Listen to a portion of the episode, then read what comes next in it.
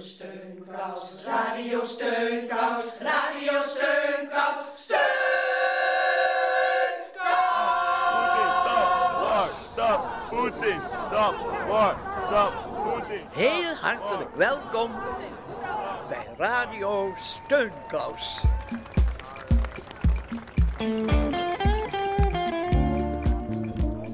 Mensen, goedemiddag. Hartelijk welkom bij Radio Steunkous. Het programma dat wordt gemaakt door de wijkverpleging van Buurtzorg Amsterdam. Nou, u hoorde het net al, eh, de demonstranten die oproepen tot vrede.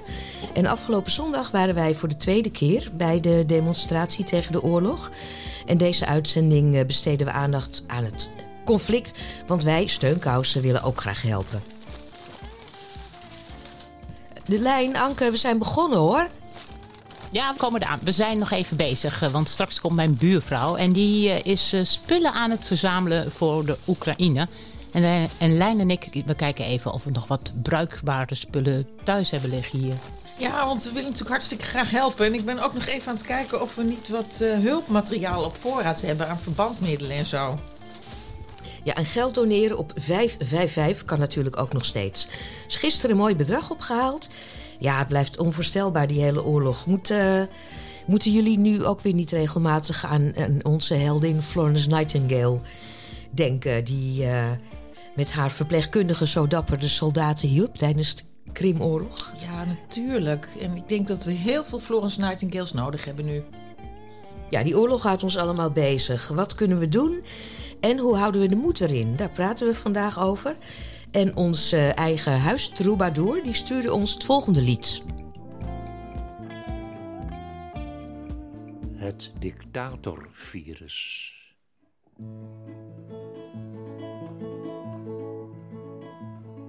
Er is een waarheid in het leven en dat is alles gaat voorbij. Al wordt er ons wat tijd gegeven, het geldt voor jou, het geldt voor mij. Geldt voor de ergste proleten, als Lukashenko, Erdogan, Poetin en Trump niet te vergeten. Niemand die overleven kan.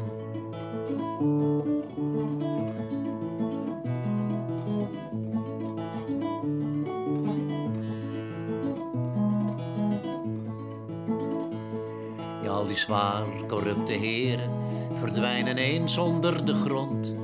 Het tij dat valt nog nooit te keren, ze eindigen als mastodont. Memoires worden er geschreven, een lesje in geschiedenis. Want de herinnering doet leven, al was dat leven niet zo fris.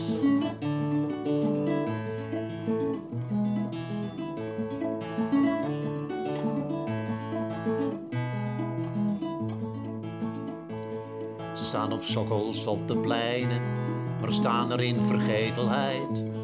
Door de erosie te verkwijnen, en dat wordt wel een keertje tijd. De borst vooruit, het hoofd geheven, met harde blik en strenge mond. Hun naam in steen en brons gedreven, maar wel onder de duivenstront.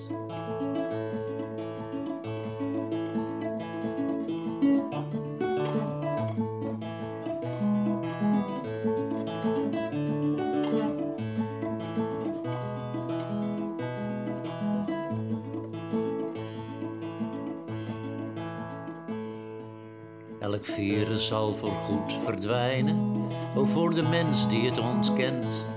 Zoiets als parels voor de zwijnen, of andersom. En alles wendt. Ada Biesheuvel denkt dat sprookjes kunnen helpen om even te ontsnappen aan alle nare berichten. En ze schreef zelf een sprookje, het heet Kasteel Hemelhoog. En het gaat over twee jongetjes, Caspar en Koosje, die een spannend avontuur meemaken. En ze leest ons er een stukje uit voor. Kasteel Hemelhoog. Een verhaal voor jong en oud. Wat is deze laan lang, zeg? Kasper peut een steentje tussen zijn schoenzool vandaan. Ja, het is een dagtocht met verrassingen, zegt Koosje. Dat is Kaspars vriendje. Hij veegt een vogelpoepje van zijn arm af met wat mals gras. Een groene veeg blijft nog lang zichtbaar op die arm. Hoe lang lopen we al? vraagt Kaspar zich vermoeid af. De zon staat al in het midden van de hemelboog. Al uren, geeft hij zichzelf antwoord. Uren, zegt hij. Tijdens de eetpauze met brood en appels en wat karnemelk uit de veldfles, met groefdop, gaat Koosje zomaar wat rijmen. Dat doet hij wel vaker. Kasteel Hemelhoog ligt onder de hemelboog. Daar woont de rijke heer met op zijn hoed een veer. Koosje neuriet er een melodietje bij. We gaan naar kasteel Hemelhoog, dat is het doel van deze dag.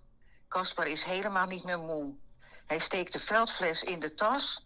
Het einde van de lange laan is in zicht. Koosje huppelt zo hoog hij kan. Door zijn gerijm over de kasteelheer met de veer hebben ze een doel gekregen. Ze hebben er allebei zin in. Uh, vier torens priemen de wolken bijna binnen. Het indrukwekkende kasteel lijkt wel te zweven. De slotgracht weerspiegelt alles. Ze gaan de brug over. Het praalhek door met bladgoud bekleed. De twee vrienden hebben elkaar hier hard nodig. Ze bibberen en houden elkaar vast. Een kelderraam staat open. Het glas is eruit gesneden. Dat is niet normaal. Kasper steekt voorzichtig zijn hoofd naar binnen. De duisternis is hier zoals in de nacht. We zullen één voor één naar binnen gaan. We moeten ophouden met dat gebibber. Daar komen ongelukken van. Kasper staat op de keldervloer van een onderaards gewelf. Koosje volgt. Het gebibber komt in alle hevigheid terug als ze klanken opvangen. Deze klinken heel zwak. Ze horen allebei: Oh, oh, help, oh, oh, help. Steeds opnieuw. Het klinkt heel droefgeestig. Bij het horen van de jammerkreten kunnen Caspar en Koosje niet meer weggaan uit de kelder van kasteel Hemelhoog. Dat eigendom is van baron Rozenmond. Hulp moet nu geboden worden, als de nood aan de man is. Een zware eikenhouten deur geeft toegang tot de stenen trap. Daarna komen de twee vrienden in een marmeren gang met overal gekleurde glazen ramen. Het hulpgeroep is hier veel duidelijker te horen. Erop af nu, zeggen ze tegen elkaar, vlug, we mogen niet bang zijn. Kom op, Koosje, haasje, repje. In een nis zien ze een houten kast. Daar komt het geluid vandaan. De deur kiert wat open. De twee jongens zien een van boven tot onder vastgebonden baron Rozenbond. Met dik touw is hij vastgebonden. De mond is ook dichtgeplakt. Toch kan de baron roepen, omdat de pleister heeft losgelaten aan één kant. Maak me los, zo vlug mogelijk. De dief is nog in het kasteel, dat weet ik zeker. Baron Rosemond is een dappere man. Jongens, wat een geluk dat jullie hier zijn. Een schaar ligt hierboven op deze kast. Caspar geeft Koosje een knietje, zodat hij heel gemakkelijk bij de schaar kan. In twintig seconden zijn alle touwen doorgeknipt bij baron Rozenbond. De baron is nu bevrijd. Ja, tot zover een eh, deel uit het sprookje van Ada. Het is de jongens gelukt om baron Rozenbond te bevrijden. En we verklappen ook alvast dat ze de boef in het kasteel weten te pakken. De goede krachten overwinnen dus de kwade krachten. Heerlijk. En u kunt het hele verhaal horen uh, via onze website www.radiosteunkous.nl.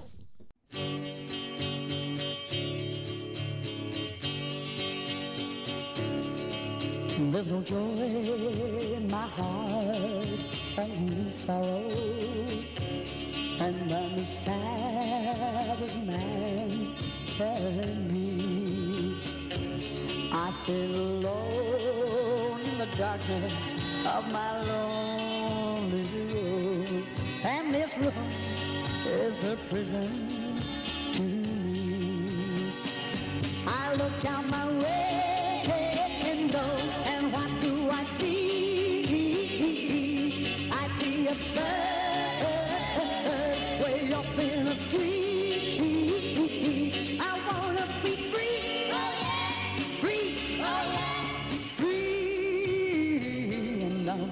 Be free like a bird in a tree. What good are my eyes? They can't see you. And my arms, they can't hold you so tight. I have two lips that are yearning, but they're no good to me. Cause I know I can't kiss you tonight. I look out my window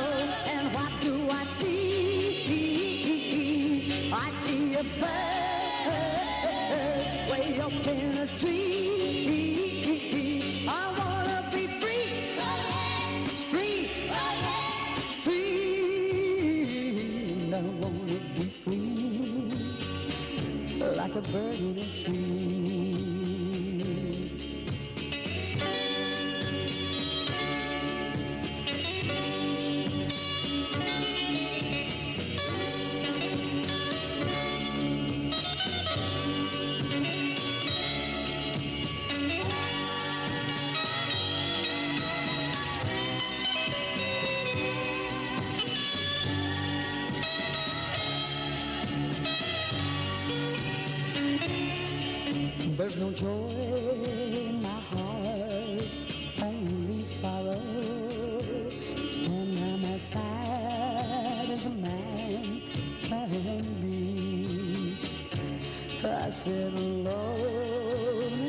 darkness of my lonely room. And this room is a prison to me. I look out my window and what do I see? I see a bird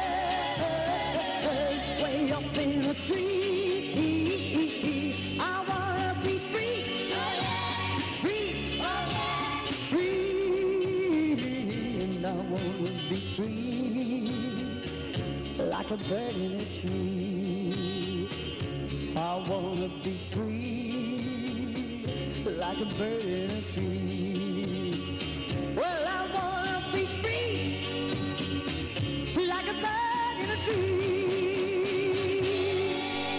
I want to be free like a bird in a tree. Nou, dat wil de bijna 94-jarige Frits Nijts ook.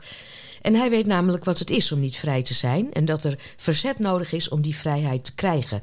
En hij uit zijn afschuw over de inval van Poetin. Afschuwelijk. Want ik heb natuurlijk de oorlog meegemaakt, hè. Ik weet wat oorlog is. Die Russisch gek, die Poetin.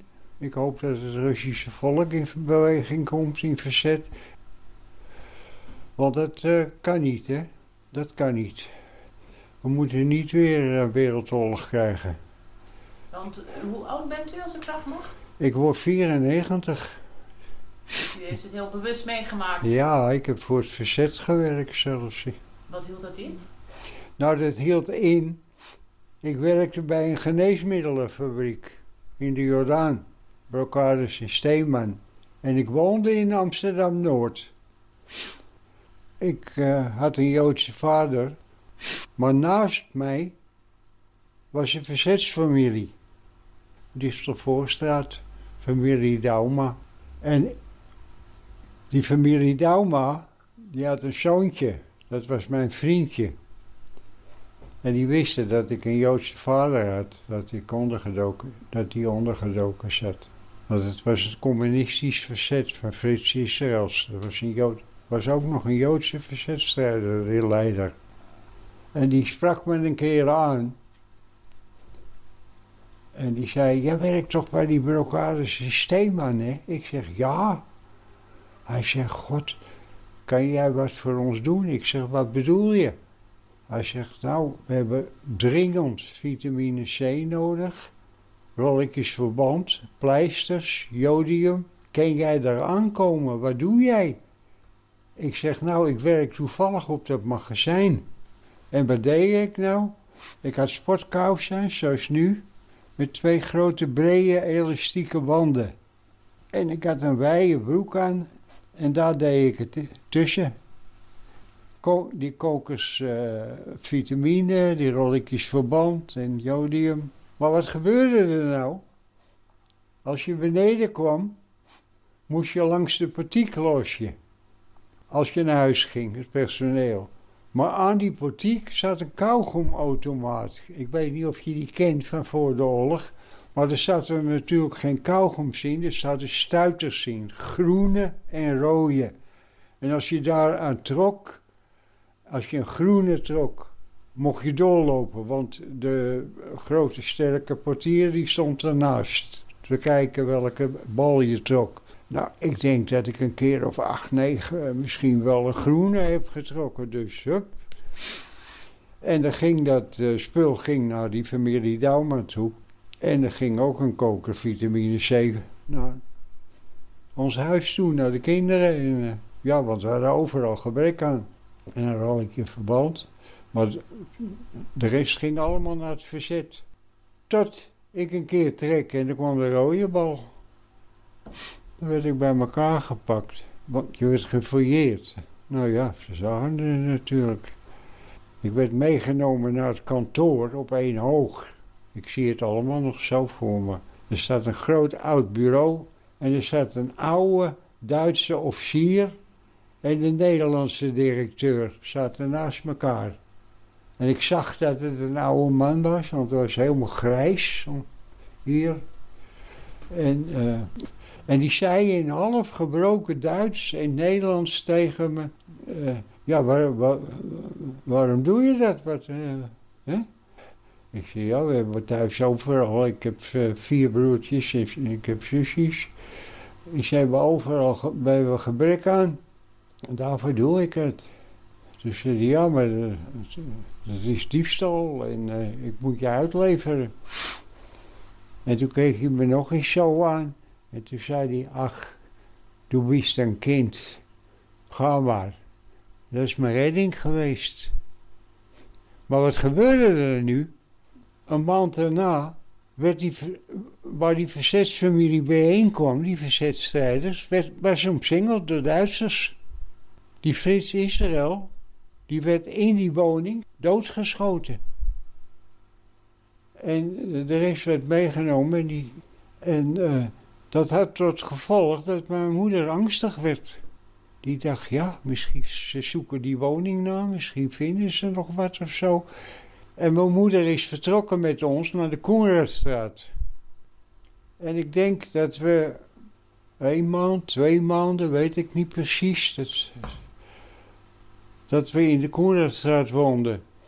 Toen viel er een Engelse bom op de woning waar wij woonden. Precies op die woning. Dus ik heb twee keer een engeltje op mijn schouder gehad. Dat is ongelooflijk, maar dat is de waarheid. De woning van de familie Dauma aan de Distelvoorstraat 24, waar Frits over vertelt... dat was een van de vele Amsterdamse adressen... waar in de Tweede Wereldoorlog in het geheim het verzet bijeenkwam. En op dit adres in Amsterdam-Noord werd de krant De Waarheid gedrukt... en zat de joods-communistische verzetstrijder Frits Israël ondergedoken. En tijdens een huis-aan-huis doorzoeking op dinsdag 15 augustus 1944 werd Israël gevonden en doodgeschoten.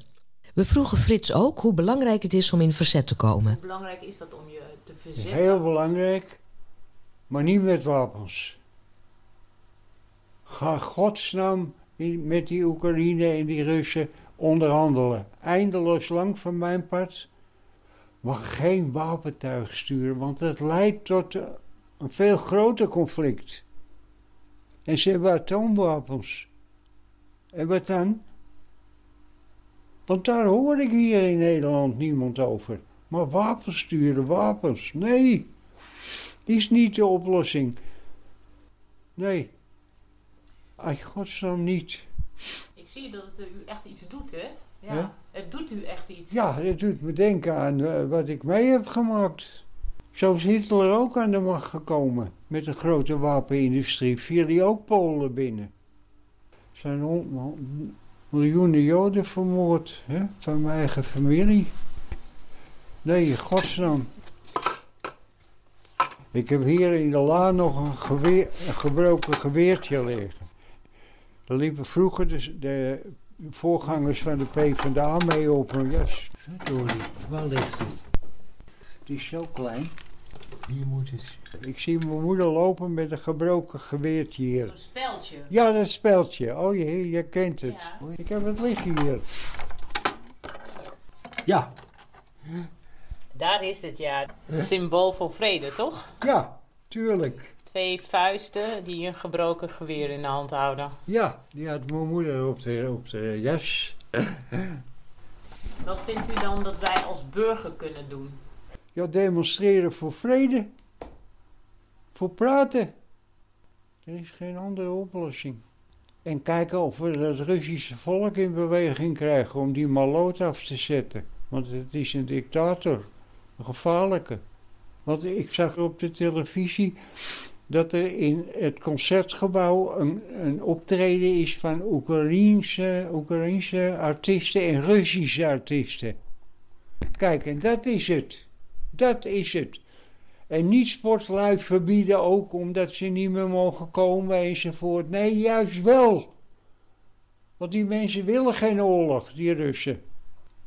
Je moet juist met die mensen in gesprek komen en zeggen: jullie moeten in beweging komen in, in, in Rusland. Ga demonstreren, verzet je tegen die krankzinnige gek.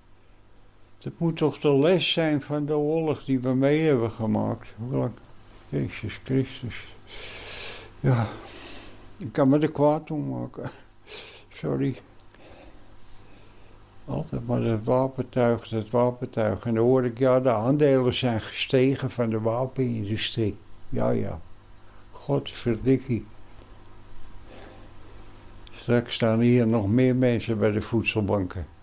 Ja, want alles wordt duurder. Wat voor gevolg heeft het voor ons volk hier weer? Wijze woorden van Frits. Met wapens los je de conflicten niet op. Ga met elkaar in gesprek. Dat is waar hij in gelooft. Ik was nog wel benieuwd waar Frits in deze roerige tijden afleiding vindt. Want eh, hoe, hoe leidt u zichzelf een beetje af? Ik ben aan het schuiven met de meubels. Want dan zeggen mijn kinderen weer: Oh, is weer veranderd. Die bank stond eerst voor het raam. En, nou, en dan stond die weer daar. En de boekenkast heb je veranderd. en ik moet van de fysiotherapeut in beweging blijven. Dus dat, uh, maar met het slechte weer was het natuurlijk uh, rampzalig. Dan kan ik hier wel rondjes lopen, hè, want het is rond. In huis? Ja, kijk, ja, oh, ja. de badkamer, maar die loopt daar in de slaapkamer zit ook een deur, dus ik kan rondlopen. en ik kan wat schuiven. Maar nou, het mooi. Dus om in beweging te blijven, ging u een beetje met de meubels schuiven? Ja, ja. Sag mir, wo die Blumen sind, wo sind sie geblieben? Sag mir, wo die Blumen sind, ist geschehen? Sag mir, wo die Blumen sind, Mädchen pflückten sie geschwind. Wann wird man je verstehen? Wann wird man je verstehen? Sag mir, wo die Mädchen sind, wo sind sie geblieben? Sag mir, wo die Mädchen sind, was ist geschehen?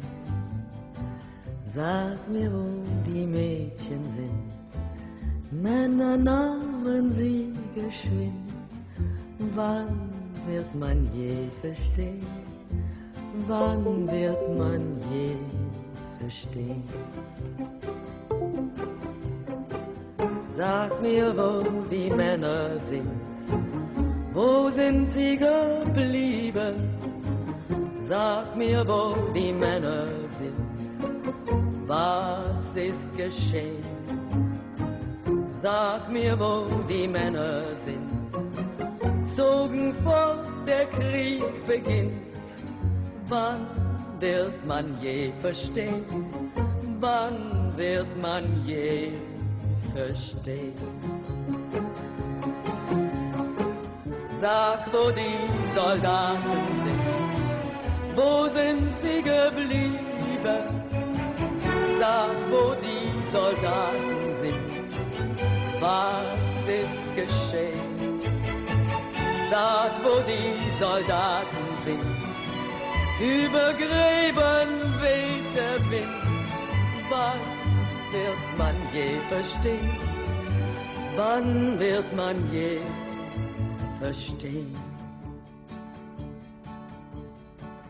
Sag mir, wo die Gräber sind, wo sind sie geblieben? Sag mir, wo die Gräber sind, was ist geschehen? Sag mir, wo die Gräber sind, Blumen blühen im Sommerwind. Wann wird man je verstehen? Wann wird man je verstehen? Sag mir, wo die Blumen sind. Wo sind sie geblieben? Sag mir, wo die Blumen sind. Was ist geschehen? Sag mir, wo die Blumen sind. Mädchen pflückten sie geschwind. Wann wird man je verstehen? Wann wird man je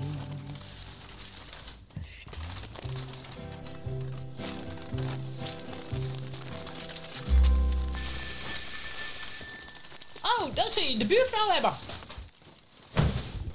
hey Lot, wat fijn dat je er bent. De dozen staan klaar voor je. Oh, nou, dat is mooi, want eh, ik heb dat busje, dat eh, komt vanavond hier langs... en dan kunnen we alles inladen. Wat heb jij allemaal ingepakt? Oh, van alles, joh. Ik heb heel wat dozen staan, hoor. Het is heel erg voor die mensen daar, hoor. Maar ik ben toch altijd blij dat ik mijn oude spullen weer een beetje kwijt kan. Dus eh, ja, gewoon wat, wat dingen die ik niet meer draag. Of, Hé, Lot, maar kan je dat wel maken? Je moet niet allemaal oude rommel opsturen, hoor. Nou ja, ik doe ook echt wel mijn best met wat ze nodig hebben, hoor. Maar ja, ik vind het toch daarbij ook wel... eh, ja, het ruimt weer op bij mij. Nou, Lot, dat is een beetje schandalig hoor. Je kan niet al je oude rotzooi eh, meegeven. Nou ja, nu je het zegt. Ja, ik geloof dat dat ook dat toch niet goed is, hoor. Ik zal nog eens goed door die kleren heen gaan. Ja, dat moet je wel doen, want dat is, eh, dat is niet oké. Mensen hebben, oude rommel hebben ze zelf ook, Lot. Hoef je niet op te sturen. ja, toch? Daar hebben die mensen Nou ja, toch niks aan. Ja, nou ik dacht ook vooral dingen eh, om hun warm te houden. En eh, misschien dekens of zo. Maar die heb ik niet. Dus dan denk ik, nou truien. Hè? Wat, wat vinden jullie? Hé hey Anke, jij hebt toch een vriendin eh, gebeld die daar misschien meer van weet, die echt ook eh, mensen uit de Oekraïne opvangt? Ja, Maria. Ja, ik heb Maria afgelopen weekend eh, gesproken. Zij eh, woont in Polen, in de stad Krosno, op ongeveer 150 kilometer van de Oekraïnse grens. En sinds vorige week, zaterdag, biedt zij onderdak aan een Oekraïns gezin. En ik was wel benieuwd hoe de opvang daar nu geregeld is. Ja, ik heb, eh, ik heb een familie. Ik heb een moeder met twee tieners thuis. Die tweeling van 16, twee, jong, twee jongens van 16. Die vrouw die heeft. Zij, eh, zij spreekt ook Pools. Vrij goed. Want toen ze klein was, eh, heeft, ze- was ze een paar keer in Polen geweest met haar moeder. En ze, ze, had zelfs één jaar op Poolse school gezeten. eh, toen ze tiener was. Dus ik kan makkelijk met haar praten. Zij is gewoon. ehm, zij is een vrouw die is gescheiden en eh, zij komt van uit de stad die heet Tarnopol. En eh, zij ehm, heeft gewoon in de eer- eerste dag van de oorlog is, is ze vertrokken. Zij was gewoon eh, bang. Ja? Van wat verder gebeurt. Dus zij heeft zometeen. Ze, ze was eigenlijk een dag van tevoren al een beetje ingepakt. Eh, en omdat zij, ja, zij, ja de, de, de, de dreiging van oorlog was vrij groot, ja. Dus ze was al een beetje voorbereid. En toen op de dag, eh, toen, toen de, de oorlog uitbrak, toen heeft ze de ticket gekocht en ze is met de bus naar Polen gekomen. En, en ja, die twee jongens die zitten op middelbare school, maar zij moesten natuurlijk school verlaten. Eh, en, en nu zitten ze dus bij mij. Ja. ja. Maar wat hebben zij dan bij zich bijvoorbeeld? Als je, als je zo, zo snel op de vlucht moet slaan, dan heb je eigenlijk alleen misschien maar een koffer met kleren bij je, of niet? Nou, maar weet, maar weet je, in hun plaats, in hun stad, zij komen van, van de stad. In die plaatsen waren geen bombardementen. Ja, en op tot nu toe zijn er nog geen bombardementen, want die, die stad is hier dichter bij de westerse grens van Oekraïne. En maar het feit zelf dat het oorlog is uitgebroken, was voor haar voldoende genoeg om te ontsnappen. Zij was gewoon bang. Ja. Ja. Zij, zij woont gewoon, eh, weet je, met die jongens, maar eh, zij heeft geen man. Dus zij dacht, nou, ik kan het hier niet redden als de oorlog uitbreekt. uitbreekt ja. Eh, en zij zei dat zij was een beetje voorbereid. Dus voor de kleren voor de jongens had ze wel min of meer klaarstaan. Ja, dus, dus, maar, maar ze heeft erg weinig eigen, ze heeft bij- bijna niks voor zichzelf genomen. Hè? Alleen wel wat medicijnen en de meest belangrijke dingen. Uh, zij kwam met één paar schoenen. Maar wij hebben hier zo meteen wel kleren geregeld voor haar. Eh, en, eh, ja, en ook schoenen. En, eh, ja. In totaal worden er nu meer dan 800.000 Oekraïnse vluchtelingen in Polen opgevangen. En ik vroeg aan Maria of men ook bang is dat het conflict overslaat naar Polen. Ehm, nee, ik denk niet dat de mensen van slag zijn. Dit, je, ziet, nee, je ziet gewoon in het dagelijkse leven niet zoveel verstoring. Maar je ziet, van, weet je, de mensen werken, die gaan naar de winkels. Mensen gaan niet echt de winkels leegkopen, dat niet. Dat is wel gebeurd, weet je, toen die, toen die oorlog uitbrak op uh, donderdag. Toen op zaterdag waren zo vrijdag, zaterdag, mensen gingen die alles verzamelen. Dus eten, voornamelijk eten, ja. Bijvoorbeeld water en wat, uh, weet je, lang voedsel. Die was, die was uitverkocht bijna binnen één dag. Ja, dat is. Uh, oh ja, wat de mensen gingen onnodig gewoon uh, benzine tanken de eerste dag. Ik weet niet waarom. Er stonden rijen voor de, voor de, weet je, voor de, voor de, voor de tankstations. Want mensen dachten misschien oorlog uh, komt het tekorten van, van benzine, maar brandstof. Maar dat, later heeft de TV verteld dat het geen noodzaak is om te, te, sparen, want er is voldoende reserve. Dus, ja. dus dat gebeurt. Ja. Maar het gewone leven gaat door, maar dat, dat leeft echt onder de mensen. Hè? Veel Polen zetten zich net als Maria vrijwillig in om de gevluchte Oekraïners op te vangen en van onderdak en eten te voorzien. De solidariteit is groot en sommigen verlenen zelfs gratis medische zorg. Maar weet je, ik, ik ga je ook iets leuks vertellen. Het is ook zo positieve iets. In Krosno was het ook zo, zo tandarts die, zei, die schreef op internet... Uh, ik ga kosteloos Oekraïnse vluchtelingen uh, weet je, helpen met tanden. Oh, ja. Of de dokter zei, voor, bij mij kunnen de Oekraïnse families komen voor de, voor de doktersadvies. Zo. Maria is blij met alle hulp die nu geboden wordt, maar ze wil wel benadrukken dat de mensen die hulp verlenen een hele lange adem moeten hebben. Dus dat, ja, dat is mooi. Dat, is, dat het zijn veel mensen die zich inzetten. Maar ik lees ook dit verhaal en weet je dat uh, er wordt ook gezegd, ja, dat is mooi zo enthousiasme in het begin, maar het wordt geen, ze zo wordt geschreven, het is geen sprint, maar een marathon. Dus dat gaat lang duren voordat voordat weet je, die mensen terug kunnen, minstens deel van hun. Dus wij moeten goed plannen hoe wij hun kunnen helpen op de lange duur. Met Ja. scholen, met huisvesting, met, met werk vinden, met eh, zich hier eh, wat eh, hun weg vinden, ja.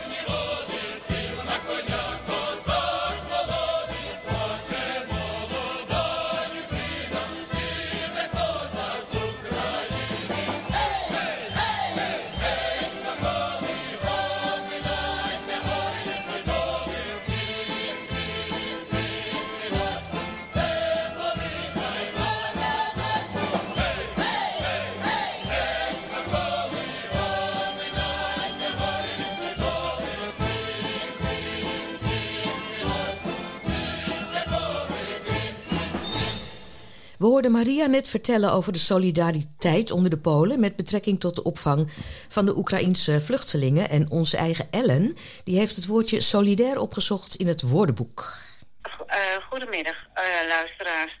Ik heb het woord solidariteit dus even opgezocht in het woordenboek.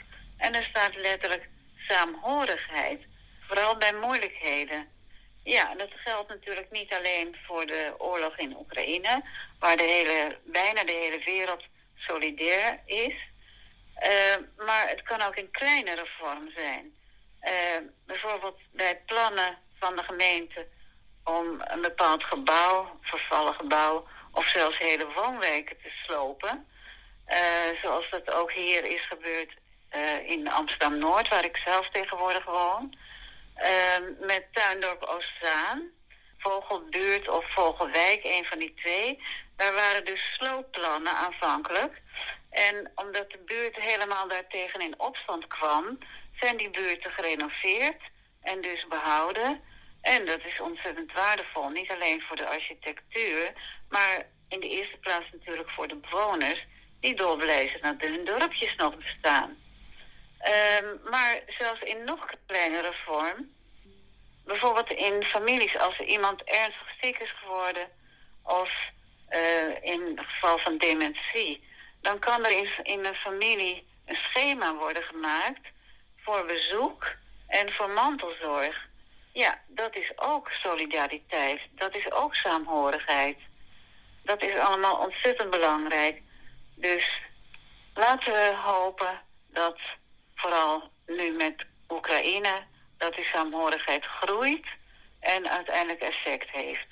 Laten we samen met Elle hopen dat de solidariteit richting de vluchtelingen groeit.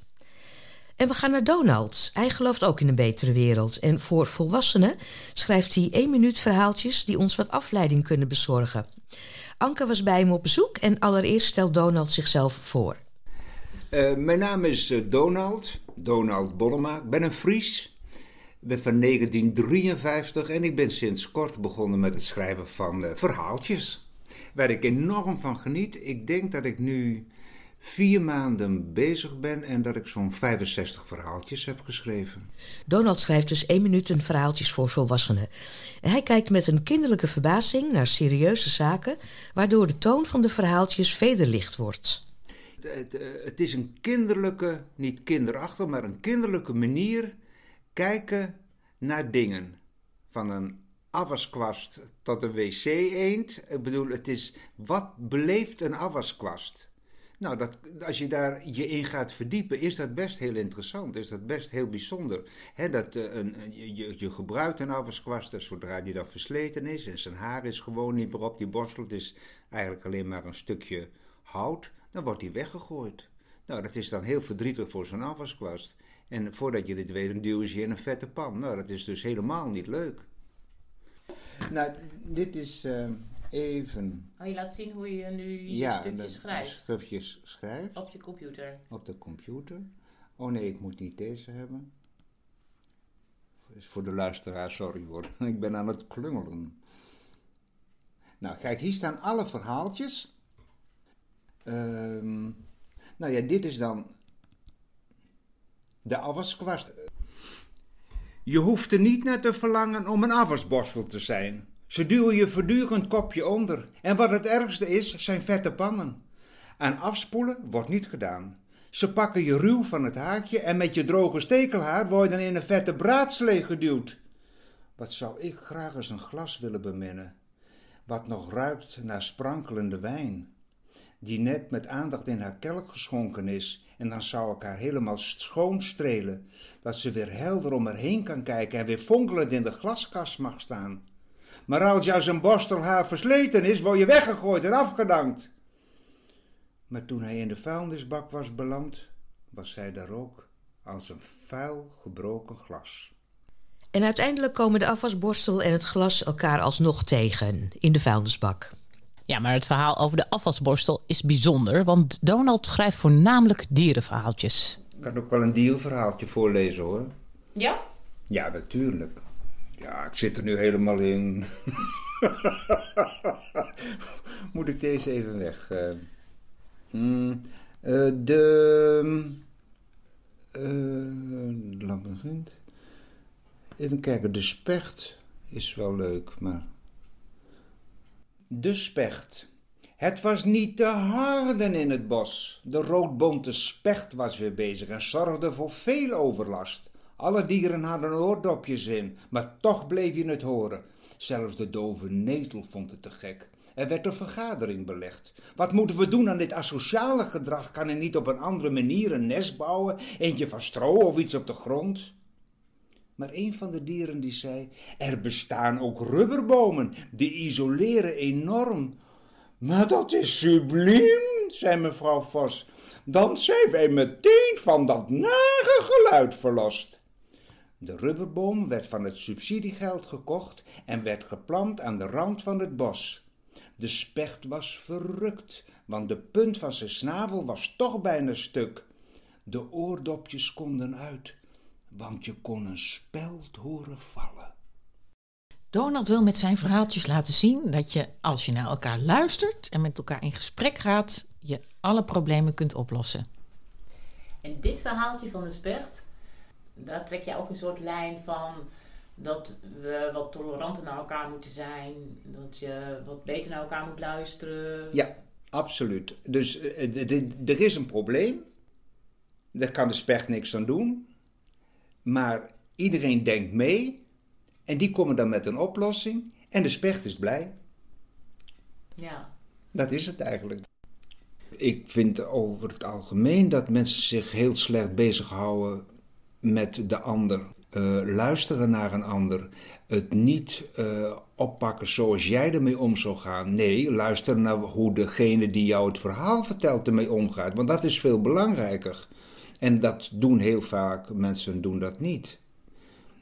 Want de verhaaltjes hebben allemaal een bepaalde vorm van humor. Is dat ook bewust? Ja, ik ben dol van. Ik, ik hou heel erg van humor. Ik vind humor heel belangrijk. Dan kun je. Of is de situatie nog zo schrijnend? Er is altijd wel een mogelijkheid tot een klein beetje humor. Het hoeft allemaal niet kamerbreed, maar eh, ja, humor. Er is altijd. eh, dat is altijd een manier om iets lichter te maken. Humor.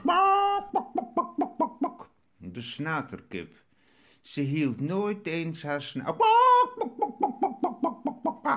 haar snaters. Ze kakelde zonder kop. Bij haar was alles ad hoc. In het kippenhok. De komende weken zullen we nog meer van deze grappige verhaaltjes van Donald laten horen. Oh, kijk nou uit. Lot, Lot, we helpen zo wel eventjes om die doos in een busje te zetten. Oh ja, sorry hoor, maar ik ben zo onhandig. Er viel nog van alles uit mijn hand vanochtend weer op de grond. Ja, wat heb je allemaal uitgehaald vanochtend dan? Oh, nou, ik, ik wou iets pakken van de grond en kwam met mijn arm tegen een kastje met allemaal eh, flesjes parfum en, en allemaal doosjes. En het valt recht zo over me heen. Maar ik kon het nog wel net op tijd gelukkig een beetje tegenhouden. Een lawine. Ja, lawine van oorbellen. Nou, laat dit, la- la- zullen wij dat, dit dan maar even doen, hè? Dat Oh, jij- dank je. Ja, graag als je even wil helpen. Ja, graag. Nou, de dames die slepen de dozen naar de gang. En intussen gaan wij eventjes luisteren naar Freek. Want Freek heeft ons verrast met een romantisch gedicht. Het volgende gedicht is van Freek van Mechelen. Quiet. This morning, my love, I saw a flame in your eyes. The light of peace.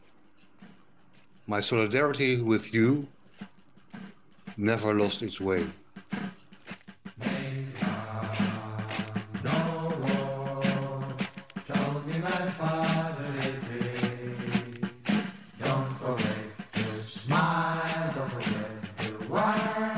To go,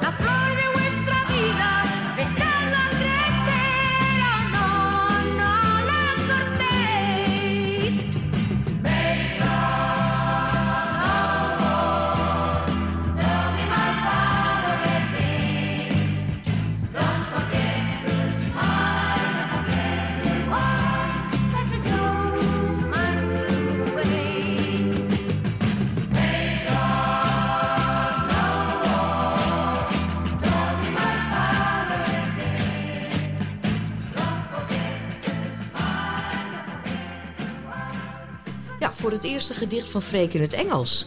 Make love, no war vind ik zelf ook altijd een goed motto. Eh, de dames zijn hier nog steeds bezig met die, met die dozen. Die eh, worden nu gestapeld. Vol- start meteen. Oh, oh, god, nu valt hij wel om. Ben ik toch ontzettend onhandig. Ja. Sorry hoor.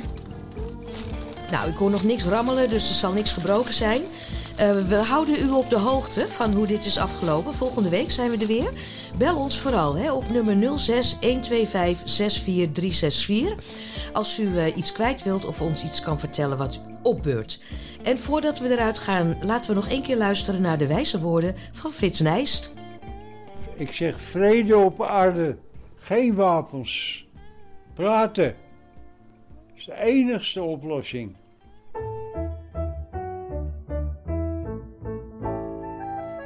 Met de deuren slaan. Ja, zuster, nee, zuster. Niet op de stoel staan.